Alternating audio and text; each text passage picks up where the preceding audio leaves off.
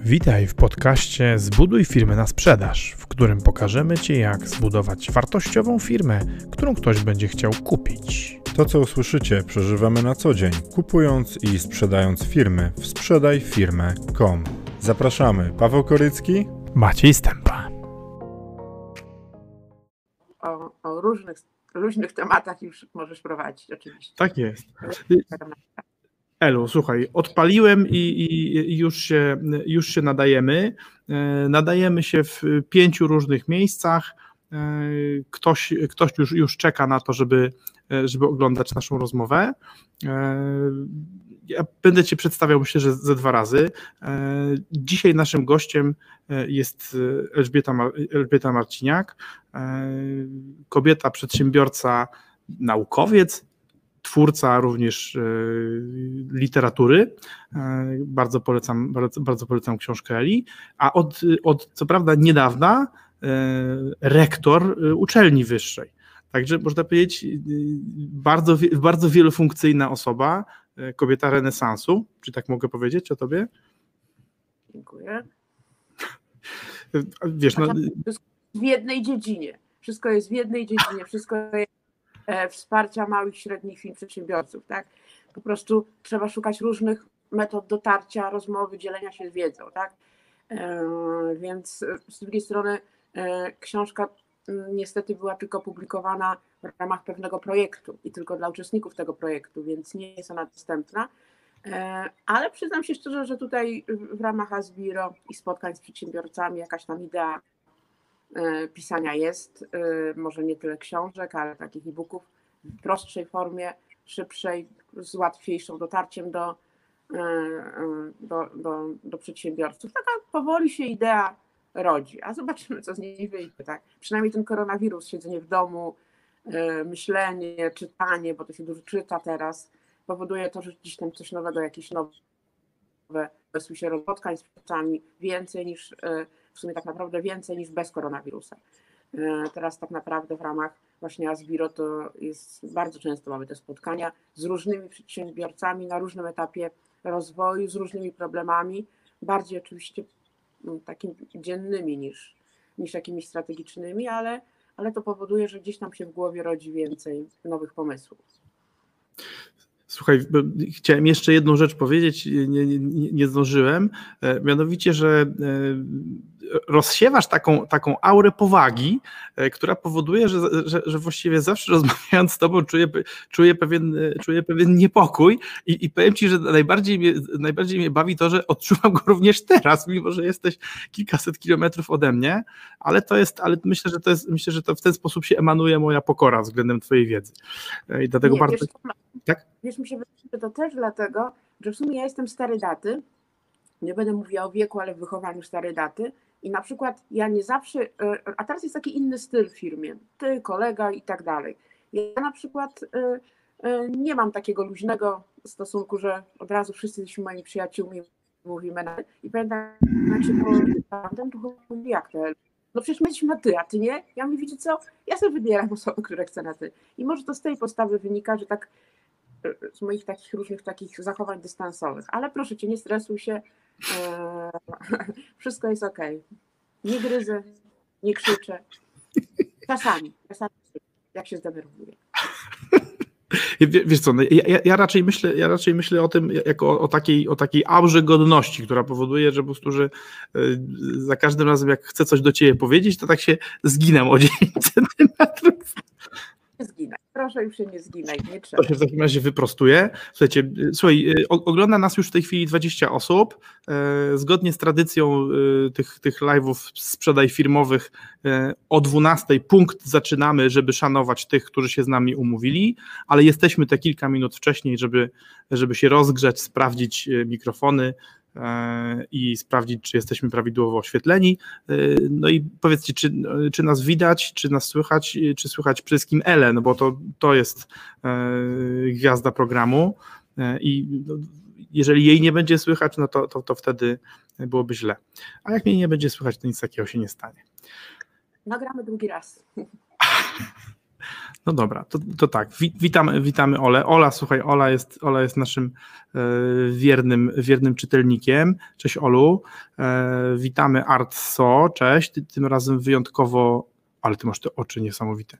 E, tym razem wyjątkowo nie z YouTube'a i kogoś z grupy Sprzedaj Firmę, cześć, witaj. Hej, a, Artso mówi, że jest ok, że, że słychać. Dobra, Ola, a ty nas też słyszysz i dobrze widzisz? Dobra, o. O, cześć. No. Ale mamy nadzieję, że nie w taki sposób, jak, jak najsłynniejsza polska naukowiec Maria Skłodowska, że tak nie promieniejemy. Tak byśmy... A, Ela trochę cicho, ale to właśnie to jest to, że widzisz, Ela tak kulturalnie się zachowuje. Czy... Znaczy, może, może też jest kwestia, że ja mam jednak mikrofon w telefonie. Mm, więc może to jest, to powoduje, y, że to. A z kolei nie chcę przejść na słuchawki, bo się boję, że jak się rozładuje telefon, wprawdzie mam tutaj na, na duże, ale strasznie się rozładowujesz telefon szybko przy takich rozmowach. Więc Jasne. Cały. Więc to niestety, Paweł, po prostu prosimy, żebyś podkręcił głośność. E, cześć Pawle.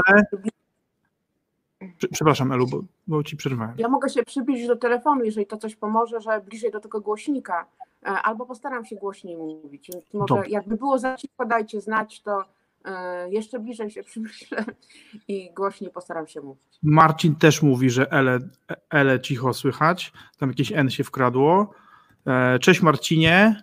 Marcin też jest, też jest stałym naszym bywalcem. Witaj. Mamy nadzieję, mamy nadzieję, że będziesz zadawał Eli dodatkowe pytania oprócz tych, które, oprócz tych, które przygotowałem. Link do grupy, please. Przepraszam, teraz nie dam linku. Paweł może dać link. E, I witamy Agnieszkę. Cześć Aga. E, ciebie po raz pierwszy widzimy, bardzo nam miło. E, no i co, słuchajcie, jest godzina 12.02. Przepraszam, już dwie minuty jestem spóźniony, a Ela ma dla nas godzinę i nie więcej, więc, więc trzeba więc trzeba z tego czasu korzystać. E, Elu, e, to od razu do mięsa. E, powiedz, słuchaj, no jest, jesteś twórczynią, czy współtwórczynią jednej z najbardziej rozpoznawalnych w Polsce marek konsumenckich ja pamiętam, pamiętam kontakt z Twoją marką, jeszcze jak mnie nie było stać na Wasze produkty, ale rozpoznaję je nawet od czasu, kiedy ich nie kupowałem. E, Bakaland. Jak długo budujecie tą firmę? Znaczy wiesz co, to yy, yy, znaczy na pewno ponad 30 lat, jeżeli, jeżeli nie dłużej, biorąc pod uwagę, że Bakaland, no to Y, jest jakby powstał tak naprawdę w 2000 jako Bakaland w 2000, w 2000 roku, dokładnie 30 grudnia 1999 roku, z połączenia dwóch firm, Unotradexu i Fresco. Fresco to byłam ja z Krzysztofem, a Unotradex to tam Mariano Werko, Jarek Nikon Łajuk i Artur Ungier. E, I my, a wcześniej my przez 10 lat współpracowaliśmy. Tylko to też trudno mówić, ponieważ ten rynek wtedy, te wiele lat temu, był takim małym rynkiem, było mało firm, to wszystko początkowało. Więc więc strasznie mm, trudno mówić nawet o budowaniu firmy, bo my bardziej budowaliśmy rynek tych e, coś więcej niż rodzynek. Tak? To były te czasy, gdzie tylko rodzynki stały na redzie i pomarańcze i nie było nic więcej. Więc to troszeczkę takie jest bardziej budowanie rynku niż budowanie firmy. Tak? Chodzi o to, żeby coraz więcej, coraz więcej tych produktów było, żeby przyzwyczaić, że e, i naszym jakby takim problemem było nawet nie budowanie e, w ogóle w tej branży ludzi, nie budowanie firm, tylko przyzwyczaić ludzi, że rodzynki, orzechy to nie jest tylko na święta Bożego Narodzenia i na Wielkanoc, że to może być produkt do jedzenia codziennego. Tak? Na to do, do tych zmian potrzeba było po prostu wiele lat, więc też nie można powiedzieć, że to jest zmiana potrzebna do budowy, do budowy firmy, raczej do budowy nowego rynku na, e, w Polsce. No ale no i, i, i po, powiodło się to zdecydowanie z sukcesem, no bo nawet obserwując swoje własne zachowania, e, bardzo często decyduje właśnie, decyduje się zjeść sobie orzeszka, właśnie tudzież jakieś orzeszki wymieszane z czymś e, i co więcej e, podejrzewam, że często, że często bywamy twoimi klientami nawet o tym nie wiedząc. Mam nadzieję, mam no nadzieję. No. Zwłaszcza, że w którymś momencie oczywiście, kiedy my już właśnie e, ten rynek był coraz większy i mm, konsumenci coraz częściej jedli te produkty, to wtedy już zaczynaliśmy mówić o rynku, o firmie, nie tylko o produktach.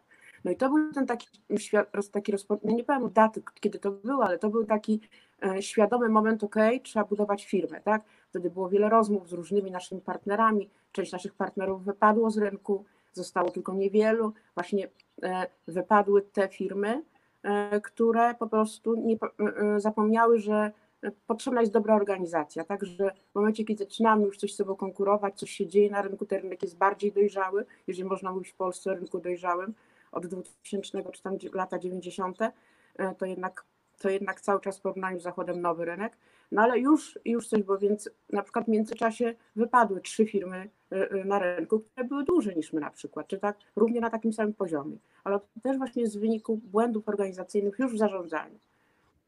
Bo, co, bo, bo oni, rozumiem, nie wyłapali tego momentu, kiedy stali się za duzi na starą filozofię. Dokładnie, dokładnie. Chodzi o to, że w pewnym momencie no nie można tak intuicyjnie e, tak sobie powiedzieć, ok, to to będę sprzedawał, to będę produkował, taką maszynę kupuję. W pewnej chwili trzeba włączyć fakty, tak? Czyli coś trzeba policzyć, zobaczyć. E, intuicja jest oczywiście e, bardzo ważna i jak nie, badania pokazują to, e, jak ktoś 30 lat m, mm, robi plan na przykład produkcji, to czy to robi taki mm, maszyna, czyli tam sztuczna inteligencja, komputer, czy robi to ktoś, kto to robił tyle lat, to czasami są te same wyniki, tak? Więc te, e, ta intuicja kogoś, kto siedzi w branży jest bardzo ważna, ale no niestety w pewnym momencie, kiedy, e, mm, kiedy zaczyna się już pojawiać konkurencja, kiedy ktoś może albo szybciej, albo lepiej, albo bezpieczniej, albo smaczniej, albo bardziej innowacyjnie coś robić, no to ludzie zaczynają kupować ten produkt gdzieś tam i gdzieś tam mm, słabsze firmy wpadają, tak? Myślę, że my jeszcze w Polsce nie przeżyliśmy takiego etapu konkurencji, jak naprawdę będzie, tak? Tak długo jak jeszcze widzę firmy słabo zarządzające, funkcjonujące i przynoszące sukcesy, to znaczy, że jeszcze nie ma u nas w Polsce takiej mocnej konkurencji. Chyba, że jest między takimi małymi firmami, takimi początkującymi, które zaczynają i muszą od razu wchodzić w ostrą konkurencję z tymi, co są na rynku. No to tak, ale tak na firmach działających to jeszcze jest bardzo dużo firm, które jeszcze dużo pieniędzy tracą przez nieefektywne działanie. Słuchaj, y, jest taki komentarz, Marcin pisze, że swoją pierwszą dietę zawdzięcza bakalandowi i czekoladzie wedla, czyli rozumiem, że się upasłeś na tych produktach. Ale nie, rozumiem, no, że... Nie. Znaczy, domyślam się, że jak się sałatę nawet w przesadzie konsumuje, to, to, można, to można być bardzo dużym, e, ale to, to moim zdaniem to jest tylko i wyłącznie sygnał, jakie, jakie, to, są, jakie to są dobre rzeczy. E, wiesz co, no, teraz chciałbym, chciałbym Ciebie zapytać, e, no bo, bo powiedziałaś bardzo ciekawą rzecz, w, dla mnie przynajmniej, w kontekście tego, w kontekście tego budowania firmy, gdzie pokazałeś, że do pewnego momentu budowałaś rynek, sprzedawałaś produkty i uczyłaś ludzi w ogóle konsumowania tych produktów, a nie, nie, tyle, a nie tyle budowałaś firmę. E, natomiast e, od pewnego momentu, no i no właśnie, chciałem też, chciałem, żebyś nam powiedziała, od jakiego e, budowałaś firmę jak produkt. Rozmawialiśmy o tym kilka razy, jako produkt na sprzedaż. Zresztą sprzedawałaś firmę swoją kilka razy. No, najpierw tym partnerom, z którym się łączyłaś, no przecież połączenie to jest, to, to jest swego rodzaju sprzedaż, nie? że ja płacę ci moimi udziałami, ty płacisz mi swoimi. Potem giełda, e, a potem to podejście, o którym gazety mocno pisały. Wiem, że pewnie jakieś umowy ciebie co do tej ostatniej transakcji chronią i oni nam powiesz najmniej, ale bardzo mnie interesuje to, od kiedy myślisz w ogóle o firmie, czy o firmach swoich, które e, budujesz jako, jako o czymś, co można sprzedać?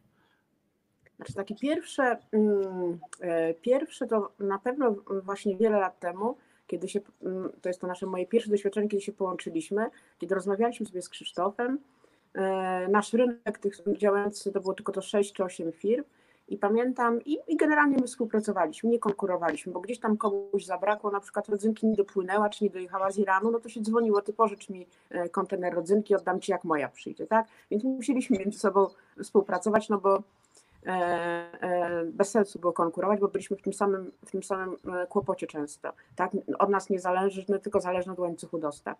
Jak gdzieś tam coś utknęło na granicy, czy w urzędzie celnym, czy coś tam. I pamiętam, że właśnie koledzy, mm, mm, koledzy właśnie Mariano Werko zaproponowali takie spotkanie, zaprosili nas na takie spotkanie, mówią, słuchajcie, po co mamy tutaj, stwórzmy jedną wielką firmę, tak? No i właśnie wtedy to był taki pierwszy moment, kiedy na serio mówiliśmy, że to bez sensu się boksować sami, tak? Zwłaszcza, że my byliśmy tylko we dwójkę, ja i Krzysztof. Krzysztof wiele miał na swoich barkach, bo musiał i kupować i sprzedawać. To, to też męczy, to też jest trudne. A tutaj mówiliśmy, ok, to było trzech kolegów, którzy bardzo szybko fajnie osiągnęli, mm, ich była trójka, jakoś szybko przeszli do kolejnego etapu i w momencie, kiedy my zaczęliśmy rozmawiać, to byli zdecydowanie większą firmą niż my. Tak? My sprzedawaliśmy wtedy produkty luzem, a oni sprzedawali produkty paczkowane. I oczywiście w ramach takich jakichś tam boksowanek malutkich, często mówiliśmy, wcale się nie musimy łączyć, my możemy też pakować i proszę bardzo, was przegonimy. Ale generalnie to było bez sensu, tak? My już wtedy wiedzieliśmy, że choćby i, mm, i wtedy tam łączyliśmy, chcieliśmy się połączyć w trzy firmy. My właśnie Unotradex, jeszcze taka trzecia firma, od której my z Unotradexem kupowaliśmy rodzynki. Oni pierwsi, bo to byli ludzie z Berlina, oni pierwsi wchodzili na, na polski rynek i my od nich, czyli generalnie byli naszymi jakby, można powiedzieć, założycielami na rynku mm, tych produktów, ponieważ oni mieszkając w Berlinie mieli jakiś wtedy łatwiejszy dostęp do tych, do tych rynków, e, do tych innych rynków. E, I mm, prowadziliśmy, pierwszy raz spotkaliśmy się w maju, nie, nie korzystaliśmy z usług żadnego doradcy, wbrew pozorom. Mhm. Rozmawialiśmy tylko sami w trzy osoby. W połowie odpadła ta jedna firma, której oczywiście, która e, e, mm, odpadła dlatego, że emocjonalnie nie była w stanie zaakceptować faktu, że któraś, że młodzi od niej chłopcy, panowie wtedy oczywiście przegonili na przykład wzrostowo, wielkościowo, ilościowo i mogą mieć większy udział w firmie niż oni. I to, to emocjonalnie było nie do pokonania dla nich, zrezygnowali, dwa lata to potem, potem zbankrutowali, tak? No, no właśnie e, chcia, chciałem zapytać, czy to się dla nich dobrze skończyło, czy źle, ale tak się domyślałem, że, że źle. Tak, nie zrozumie, znaczy myślę, że no właśnie dlatego to jest ważne, nie, y, nie zrozumieli tego, że jest, nie ma czymś, nie wiem, złym czy jakimś takim, że ktoś, kto jest bardziej przedsiębiorczy, albo ma bardziej więcej pieniędzy, albo pod, bardziej potrafi zaryzykować z różnych powodów, gdzieś tam cię wyprzedzi. No bo różni jesteśmy przedsiębiorcy, tak? To, to że ja byłam pierwsza i, i w ogóle to nie znaczy, że ja muszę być do końca życia najlepsza, tak? E, mm, I my zostaliśmy i my rozpoczęliśmy rozmowy w maju, pamiętam, byliśmy w Janowie Podlaskim, E, na takim właśnie dwudniowym spotkaniu, gdzie koledzy nas zaprosili, a w grudniu, 30 grudnia, bo nikt nie chciał się zgodzić 31 grudnia, więc 30 grudnia pisaliśmy akt notarialny, się połączyliśmy i od 1, od 2 stycznia 2000 roku już działaliśmy jako firma. A przez ten czas, od maja do grudnia, rozmawialiśmy tylko w naszym gronie, bez żadnego doradcy, tego, kto wyceni. Sami sobie wyceniliśmy, sami sobie ustalaliśmy według naszych kryteriów. Tak?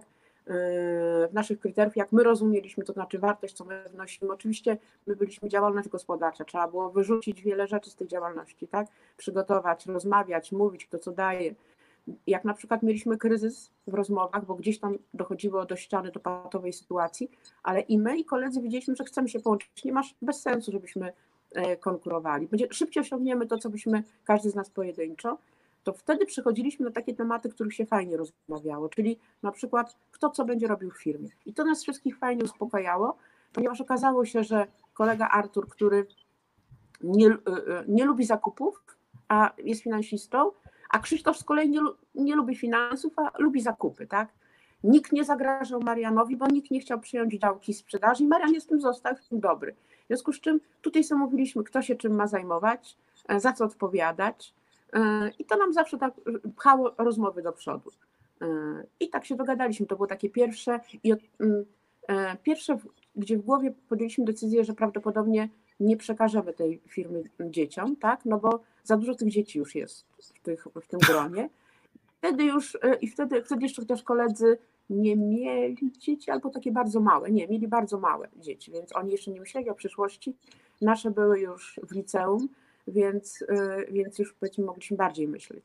Ale wtedy w momencie, kiedy się pierwszy raz decydujesz do dopuszczenia wspólników do firmy, to musisz w głowie z tyłu głowy mieć, że, y, że być może nie uda Ci się e, przekazać. Zwłaszcza, że my, mówiąc szczerze, w naszej umowie pierwszej, takiej ważnej, podjęliśmy decyzję, że jeżeli ktoś z firmy z jakiegoś powodu, bo też musi w umowie spółki mm, przewidzieć taką sytuację, że z jakiegoś powodu ktoś ze spółki odejdzie albo no, umrze, no cokolwiek się zdarzy, tak? To co w tej sytuacji? E, I my od razu wtedy podjęliśmy decyzję, że musimy spłacić tego wspólnika, że nie ma czegoś takiego, mhm. że jego rodzina, czy żona, czy dzieci wstępują e, do spółki. My stwierdziliśmy, że um, umawiamy się między sobą w tą naszą szóstkę, tak? I to jest ta spółka. A jeżeli ktoś z nas z jakiegoś powodu będzie chciał odejdzie, odejść, no to w umowie mieliśmy z góry założone, że trzeba go spłacić, tak? Oczywiście na warunkach normalnych i tak dalej, dobrych, mhm. Tam wszystko było, że zanim spłacimy, dodajemy pieniądze, żeby ta osoba druga miała z czego żyć, no różne takie, wszystkie ok. Chodziło o to, żeby nie, e, żeby nie wprowadzać takiego nowego elementu do firmy, na którą nie wiadomo, czy się wszyscy zgodzimy, więc od razu to wykluczyliśmy, więc na przykład mhm. taką rzecz, tak. No, ale taka decyzja ostateczna to była tak. oczywiście w momencie, kiedy wchodzisz na giełdę, tak? Czy w momencie, kiedy decydujesz się na wpuszczenie funduszu. No to wtedy już żeśmy zdecydowanie powiedzieli, że ok, wszyscy stoimy na stanowisku, że wcześniej czy później exit będzie wspólny, tak?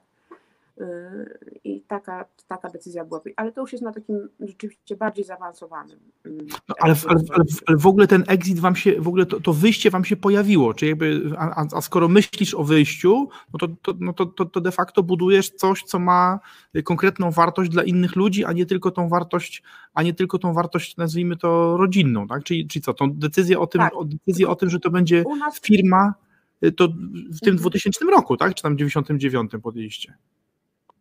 Słuchaj, no, w momencie, kiedy w e, wyjściu tak naprawdę zaczynasz mówić, to w momencie, kiedy się decydujesz dopuścić do, do siebie fundusz, tak? My już tam wiele lat temu zdecydowaliśmy się psychicznie, że chcemy, żeby e, wszedł fundusz e, do nas, tak? Rozmawialiśmy na ten temat w różnych takich, różnych opcjach. I wtedy oczywiście każdy fundusz mówi, musisz mieć od razu mówioną mm, opcję call wyjścia, tak? Nie ma, mhm. nie ma dwóch zdań. Fundusz nie podpisze z tobą żadnej umowy, jeżeli nie będzie zagwarantowana opcja call. Więc jakby to mieliśmy już dawno przegadane e, e, mhm. i ustalone. Nie wiem, e, czy, czy czytaliście tą książkę Sztuka Zwycięstwa, zwycięstwa historia Nike, film, Nike firmy. Poleciłaś, jestem w trakcie. Jest, no właśnie, tam jest świetnie właśnie opisany ten moment, kiedy oczywiście Phil stara się rozwinąć tą firmę na bazie swojej, mm, swojego doświadczenia, swojego zapału, swojej pasji, ale mu wiecznie brakuje pieniędzy, tak? Ale wiecznie brakuje pieniędzy, bo rozwija się ze sprzedaży, tak? Czyli po prostu coraz większa sprzedaż, ale ona jest ze sprzedaży. Co jest, cały czas jest na, na, na, e, na takiej sytuacji, że coś nie wyjdzie, jakikolwiek błąd, jakakolwiek sytuacja na rynku, ktoś mu odmówi kasę, bankrutuje. Czyli w każdej chwili idzie wiel, bardzo do przodu, rywalizuje z Adidasem, ale w każdej chwili może, e, może, mm, może upaść, dlatego że nie ma kapitału dlatego że nie ma kapitału, a nie chce z kolei się sprzedać na giełdzie. I tak naprawdę spokój duszy osiągnął dopiero wtedy, kiedy podjął decyzję, ok, sprzedajemy się na giełdzie, tak? Kiedy nie tylko on, ale cały zarząd, czyli jego też współwłaściciel podjęli, tak, sprzedajemy się na giełdzie. Yy, I myślę, że jest wiele firm właśnie w takiej sytuacji, że może szybciej się rozwinąć, może się szybciej mhm. w momencie, kiedy dopuści ekstra wspólnika, tak, jakiegokolwiek, czy fundusz, czy osobę indywidualną, no to wtedy zaczyna się już inne myślenie. To wtedy już zaczyna się myślenie,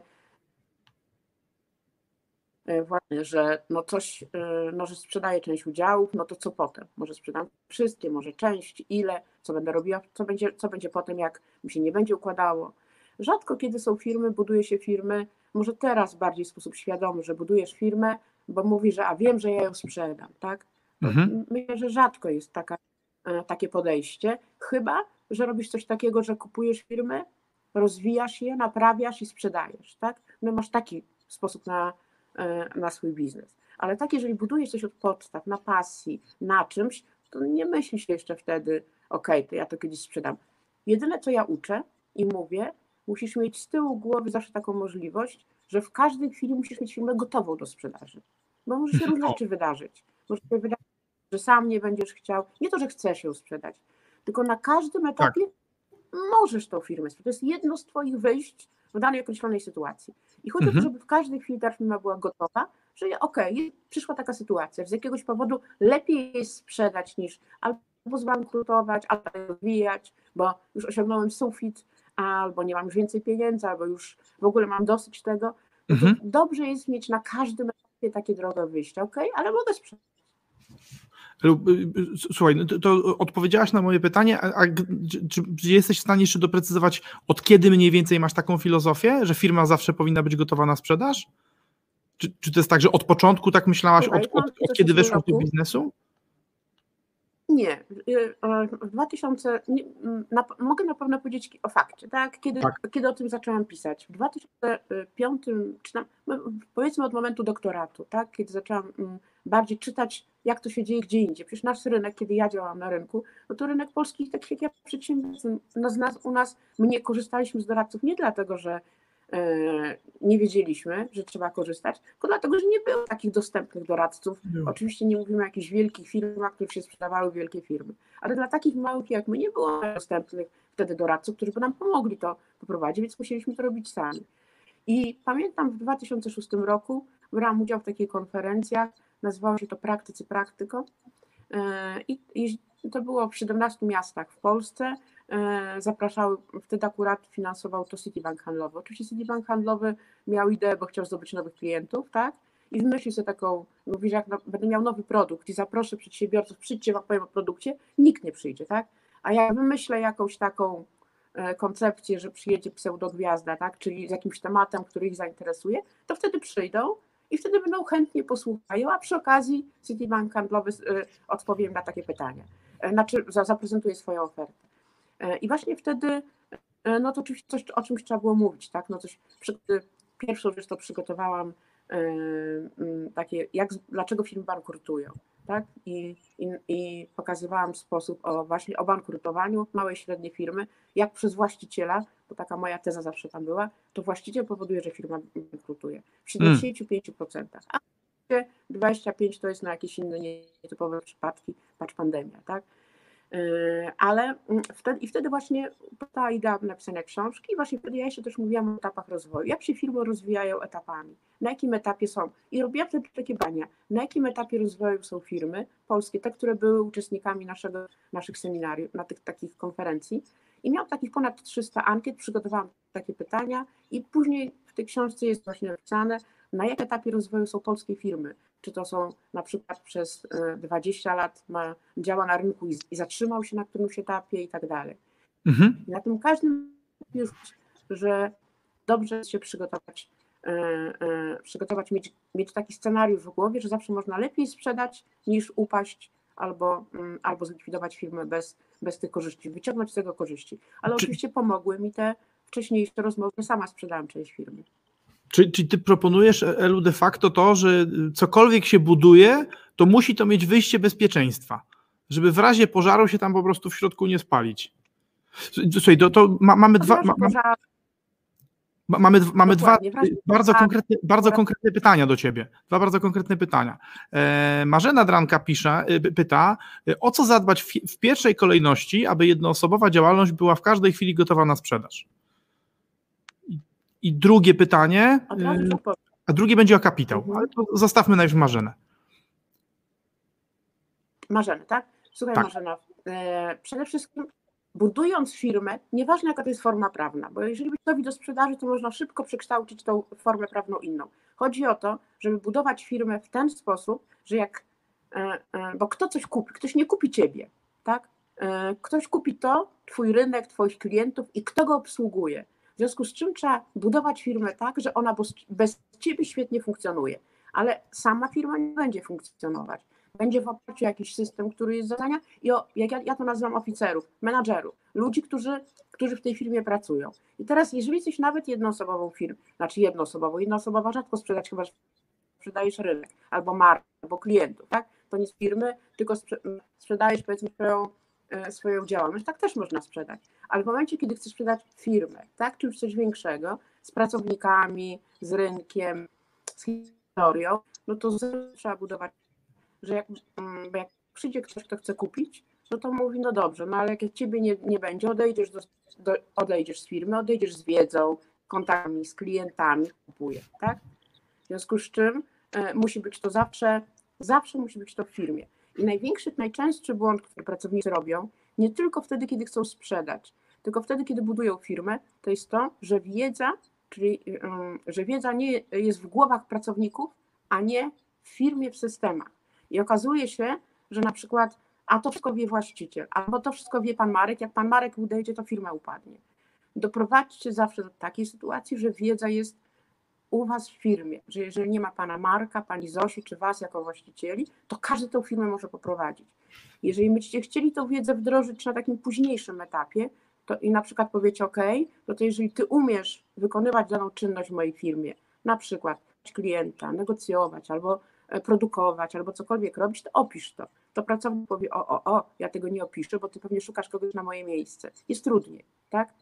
W związku z czym, czym wcześniej to zrobicie, kiedy rozwijacie się z pracownikiem, tym generalnie rzecz biorąc jest, e, jest lepiej. Więc od, jeżeli, jeżeli chcemy się tak zabezpieczyć, żeby w każdej chwili tą firmę można było sprzedać, to budujmy taki system, że to wszystko, ta wiedza jest w firmie, a nie w głowach naszych czy naszych pracowników, tak?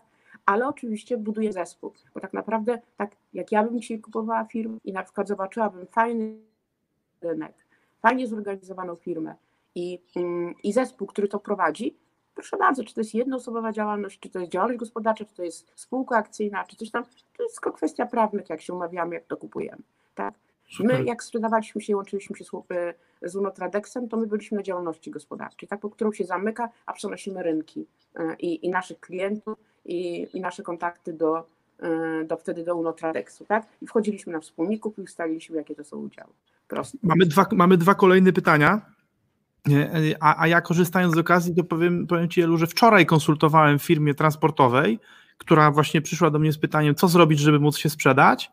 No i wyszło tak, że firma ma fajny zysk, ale wszystkie najważniejsze, najcenniejsze rzeczy robi dwóch współwłaścicieli e, i nikt tego oprócz nich nie umie. Jeżeli, jeżeli którykolwiek z nich odejdzie, to firma, firma przestaje funkcjonować, więc to, co mówisz, czyli ta wiedza i umiejętność obsłużenia rynku, to klucz. Y, kilka sympatycznych pozdrowień. Ewa nas pozdrawia. E, cześć Ewo, super, że nas oglądasz.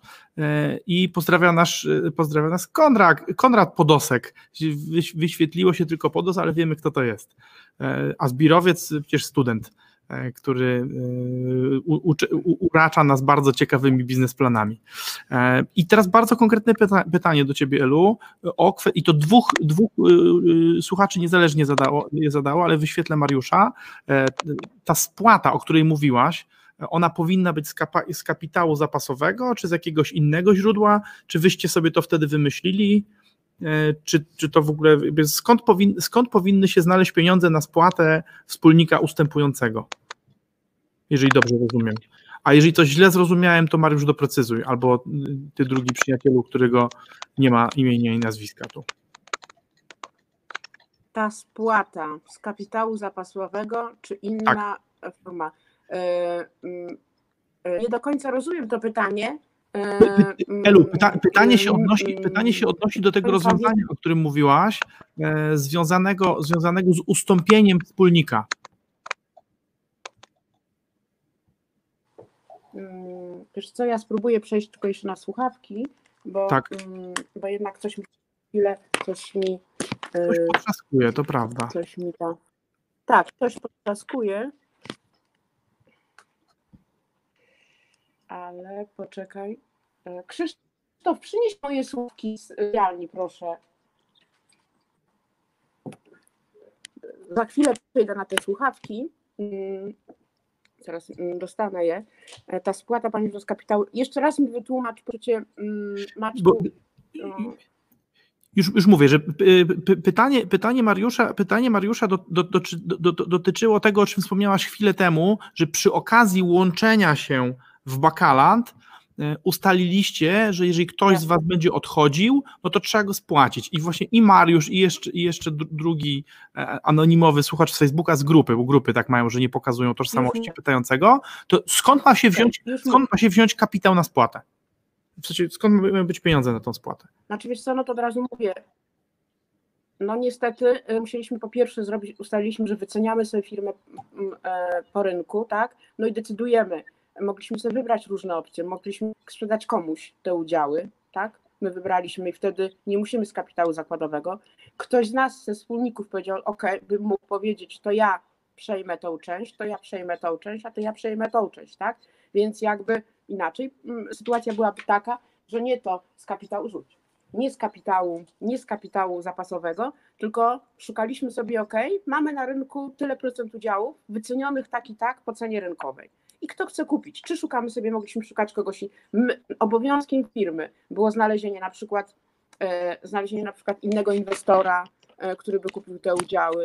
Mogliśmy między sobą e, zdecydować się, kupujemy te, kupujemy, e, że kupujemy te, e, te udziały, w zależności od tego, kto tam ma jaki e, kto tam ma jaki procent udziału, bo też jest bardzo ważne, że- żeby nie jedna osoba kupiła wszystkie, tak, na przykład. Mhm.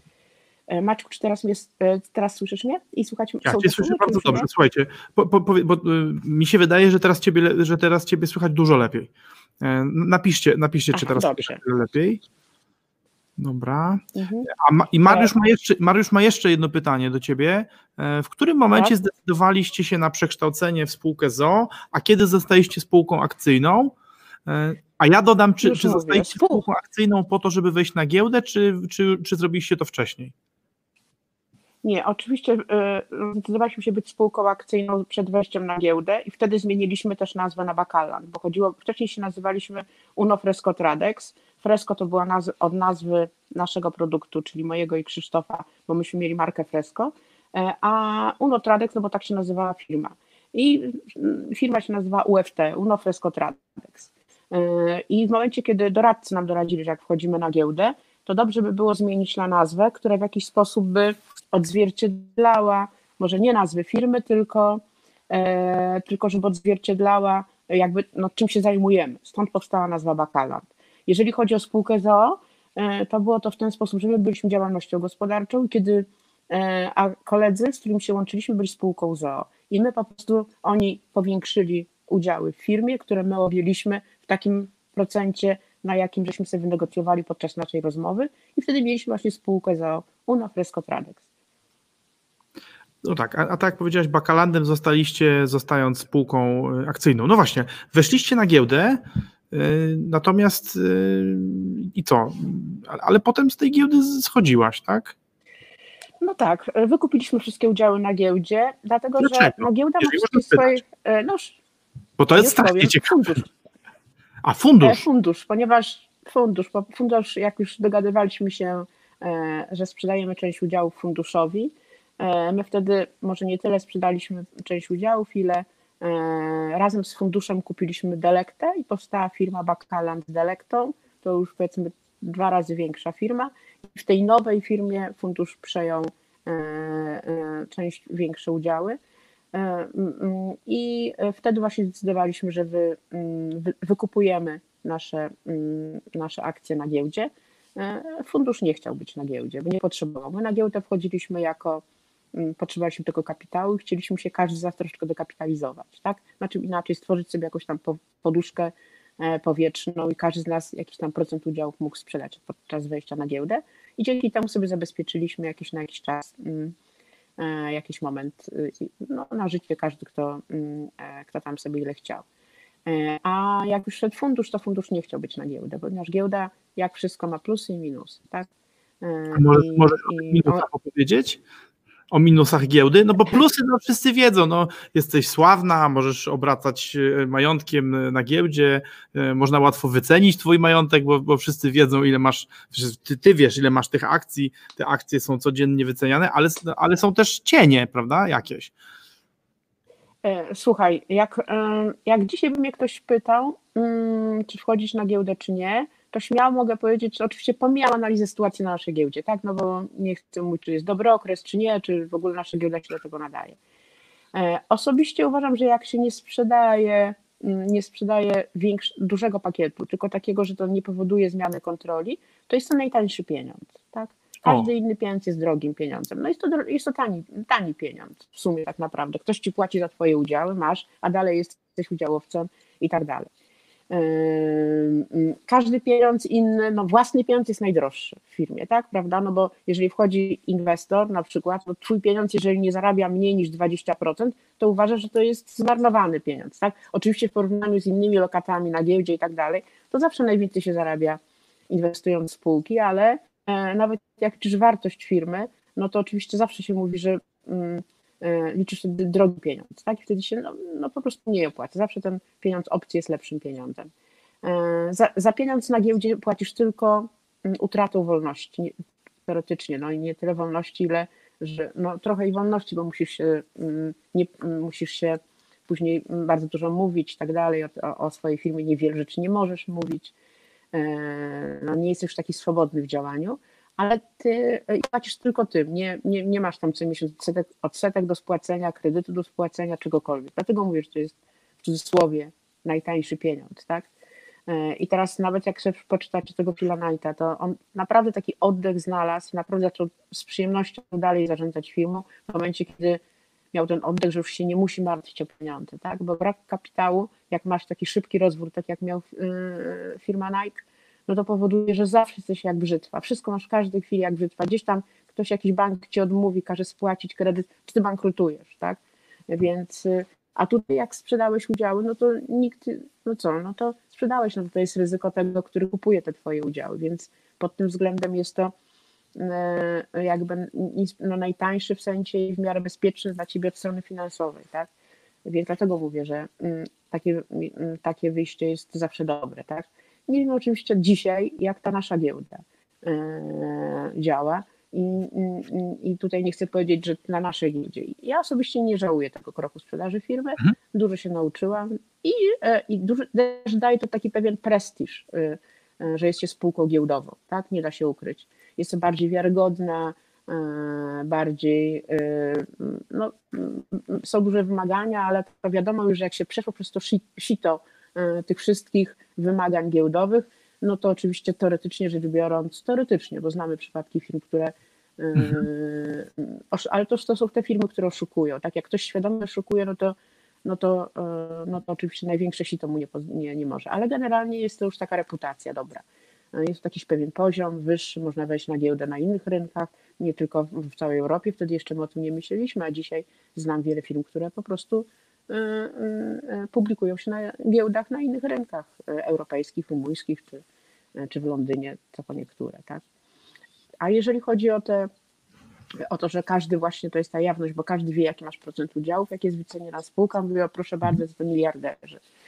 No nigdy sobie nie zda, nikt sobie nie zdaje sprawy, że są tylko miliarderzy papierowi, tak? Dzisiaj masz tyle, jutro masz tyle, a tych pieniędzy nie możesz zawsze tak od ręki wziąć, tak? One są gdzieś Elu. zawsze zainwestowane.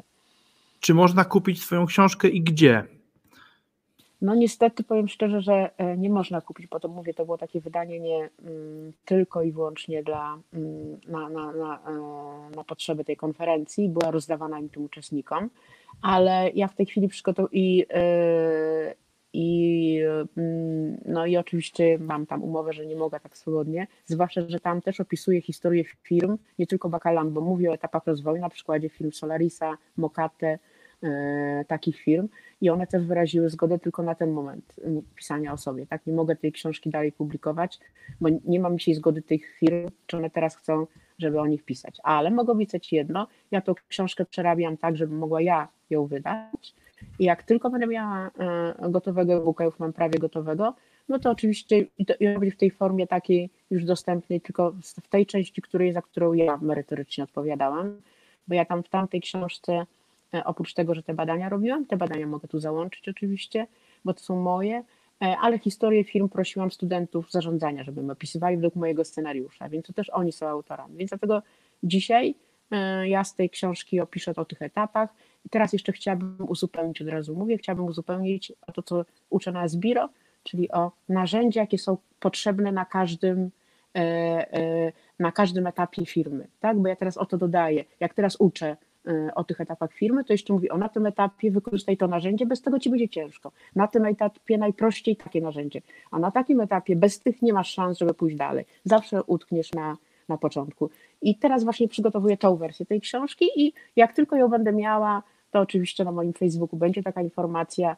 Y, myślę, że właśnie ten okres tej pandemii mi pozwolił takimi rzeczami też się zająć. Więc Z pewnością będziemy udostępniać i kolportować i ułatwiać, bo y, warto, warto słuchać y, Eli, a czytać będzie myślę, że nie mniej warto. E, ja oczywiście będę czekał na audiobooka, bo my ze wspólnikiem jesteśmy y, fanami e, i może się pomyślę, może się tak pomyślę. Pomyślę, pomyślę o pomyślę. Na początku muszę napisać tą wersję. Super. A, to, to, to, o, właśnie. Dawid, Dawid rzuca ci wyzwanie, Elu, bo czytał świetną biografię Rosmana, teraz czas na polską odpowiedź. E, słuchaj, wiesz co, nie do końca e, Bakalan nie do końca jest tylko moją firmą, tak? I jak sam doskonale wiesz, nawet jak my czytamy biografię czyjeś, to każdy z nas w tej biografii znajduje zupełnie coś innego, co jest dla niego e, takie istotne. I obawiam się, że jak pisalibyśmy historię firmy, no to Marian by napisał inną historię, ja bym napisała inną historię firmy, tak? On napisałby od strony rynkowej, a od strony zarządzania. My tam mieliśmy taki etap, że sobie wspólnie razem napisaliśmy tą, e, tą firmę. E, I, mm, I dlatego jeszcze nie jestem gotowa na takie, chyba że e, porozmawiam z Marianem, może ma jakąś ochotę taką wspólną książkę wydać, to wtedy oczywiście. A przy okazji będę się widziała teraz niedługo z Marianem, to się spytam, czy ma ochotę wydać, ale dopiero wtedy, kiedy już nie będziemy wszyscy udziałowcami tej firmy, a na razie jeszcze jesteśmy, więc musimy trochę poczekać. Wiesz co, ale ja, ja ci powiem, Elu, że, że ja, się, ja się akurat zgadzam z Dawidem, zresztą pamiętasz, roz, rozmawialiśmy o tym, e, że brakuje w Polsce takich książek e, i, i, i historie, historie takie jak twoja, twoich wspólników, to, to nie są historie powszechne, bo, bo e, menedżerów i właścicieli firm, którzy zbudowali ogólnopolsko rozpoznawalną, spontanicznie rozpoznawalną markę, a dodatkowo jeszcze udało im się listować i delistować e, z giełdy i to nie delistować karnie, znaczy, że giełda wyrzuciła, tylko zdelistować, bo tak biznes ich się potoczył, mhm. E, to, to mam wrażenie, że was są raczej wąskie setki, jeżeli nie dziesiątki.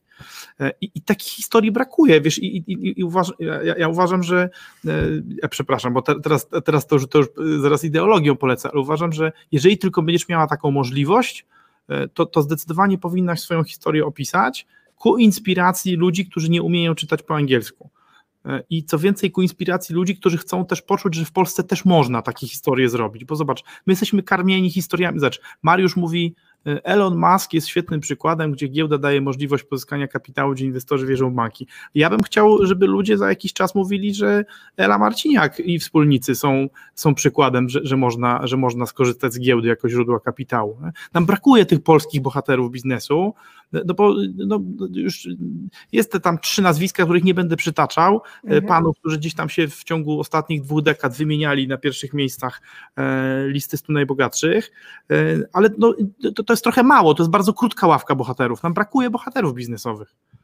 Znaczy tak, tu się z Tobą zgodzę, nam brakuje w ogóle etosu przedsiębiorcy, tak, no bo nie chcę używać też nazwisk z, z, z listy, tak, nie każdy ten, kto jest dzisiaj na liście jest tym etosem tego przedsiębiorcy, tak, e, z drugiej strony i, i to, to na pewno nam brakuje, tak, e, generalnie rzecz biorąc każdy się z nas boi, no, no a, bo może to gdzieś tam na jakichś tam układach wyszedł i tak dalej, dlatego, że rzeczywiście nie ma historii firm, takich, których naprawdę e, e, stworzyli sobie firmę od początku, a powiem, że znam bardzo wiele polskich firm, e, które w jakiś sposób nie chcą mówić o sobie, tak? Niestety nie chcą mówić o sobie, bo nie chcą być na świeczniku, to jest raz. Po drugie, jeszcze funkcjonują na tym rynku, a mm, jeszcze funkcjonują na tym rynku i nie do końca chcą sobie opowiadać. E, ja zna, myślę, Maćku, że to jest prawda, tylko że ja bym teraz innego szukała dzisiaj rozwiązania. Nie tylko e, my mamy za krótkie historie, żeby było się czym chwalić i opisywać. Znaczy jest się czym chwalić, ale jeszcze nie mamy takich, takich wielkich historii. Ale, ale e, tutaj ja na przykład uważam, że bardzo fajnie jest pisać książki na podstawie polskich firm, ale nie jako firmy patrz stworzyłem, tylko na przykład obszarów, które mają dobre jak na przykład piszemy o etapach rozwoju, to pokażmy, jak te firmy, różne firmy. Chodzi o to, że teraz jak nawet czytamy książki zarządzania, to wszyscy się wzorują na firmach e, zachodnich, tak? A, popatrzcie, badania na firmach zachodnich, to zrobiłam na chodzi. A nam wystarczy pisać o, mm, e, o polskich firmach, nie, muszę, nie musimy pisać od tych stop, stop tenu tam naj, największych, to nie, bo to, no to, jest, to jest tak złożona historia, że mówię wam, że gdyby to książkę napisał ja, albo napisze ją Marian, albo napisze ją mój mąż Krzysztof, albo napisze ją Artur, to będzie sześć różnych historii i sześć Super. różnych biografii tej firmy. E, w związku z czym, no tak jak mówię, każdy powie, to nie jest moja firma, bo to nie ja tak, bo to każdy z nas patrzy z swojego punktu widzenia. Ale na przykład pisać już o na przykład o jakichś metodach, patrz, lean manufacturing, ale w polskich firmach, nie w Toyocie, tak, gdzie ktoś się uczy, patrz, pisać o, o, o innych narzędziach zarządzania, ale w polskich firmach. Ja na przykład teraz w Asbiro przygotowuję taki kurs letni, gdzie pytam się moich, naszych polskich przedsiębiorców, e, o ich sposób zarządzania firmą albo ich narzędzie, które one wdrożyły i dzięki temu osiągnęli sukces albo osiągnęli pewien etap, albo łagodnie przeszli kryzys. Po to, żeby pokazać, patrzcie, to nie chodzi o to, że musisz być firmą the best w każdym momencie, bo nie ma takich firm. Każda z nas popełnia błędy, ale e, można zobaczyć w tej firmie, zobaczcie, takie narzędzie wdrożyłem, taki pomysł wdrożyłem, tak zarządzałem tą firmę, przyniosłem efekty i wtedy mamy też na podstawie polskich firm, ale mamy taki szerszy obraz, tak, no bo na podstawie jednego bakalandu to trudno, zwłaszcza, że y, też pamiętajcie, że zaczynaliśmy w innych czasach z innymi problemami, a ci, co teraz zaczynają, mają zupełnie inne problemy. I te no moje problemy to taka troszeczkę historia, taka wiecie, no tam coś tam sobie tam, no nie wiem, my mieliśmy problem z otworzeniem konta w banku, tak, mieliśmy problem z wymianą pieniędzy, no mieliśmy takie problemy, tak, nie mieliśmy no problemu z produktem, pamiętam. ale to jest inspirujące poczytać też o tym, że w ogóle zobaczyć, zobaczyć właśnie z jakimi problemami wyście się mierzyli e, e, i skonfrontować je sobie z tymi problemami, z którymi, którymi dzisiaj się trzeba zmierzyć, e, bo wiesz, no, można trochę powiedzieć tak, że były rzeczy, w którym były obszary, w których wam było łatwiej, ale były też obszary, w którym wam było ekstremalnie trudniej, nie? Było jakby, no, było, mhm niesamowicie nieprzy, nie, nieprzyjazne środowisko przecież dla biznesu, Dokładnie. bo jesteśmy, jesteśmy 30 lat po transformacji, a słowo prywaciarz cały czas w ustach niektórych jest obelgą. Nie? No nie, dlatego właśnie mówię, że wiesz co, e, mm, ja to oczywiście e, lubię takie historie i często na zbiór też no, mówię, ok, jako czasu do czasu ktoś przyjdzie, ktoś, kto osiągnął sukces i powie, zobaczcie, tak, osiągnąłem, to jest takie motywujące, tak, ale taka książka niewiele wnosi moim zdaniem dla no bo co można, e, jak ja opiszę tą nasze historię walki z rynkiem, z urzędami, z urzędem celnym, e, z problemami, które wtedy musieliśmy rozwiązywać, a, a wcale nie z klientem wtedy się, bo sprzedawało wszystko, co było. Potem był tam raptowny krach i się okazało, że trudniej jest sprzedawać, ale, mm, ale to, no to, no to jest moja historia, moje doświadczenie, tak? Ja jestem narzędziowcem. Ja wolę opisywać, patrzcie, sprawdziło się takie narzędzie, na tym etapie takie, tu zróbcie to.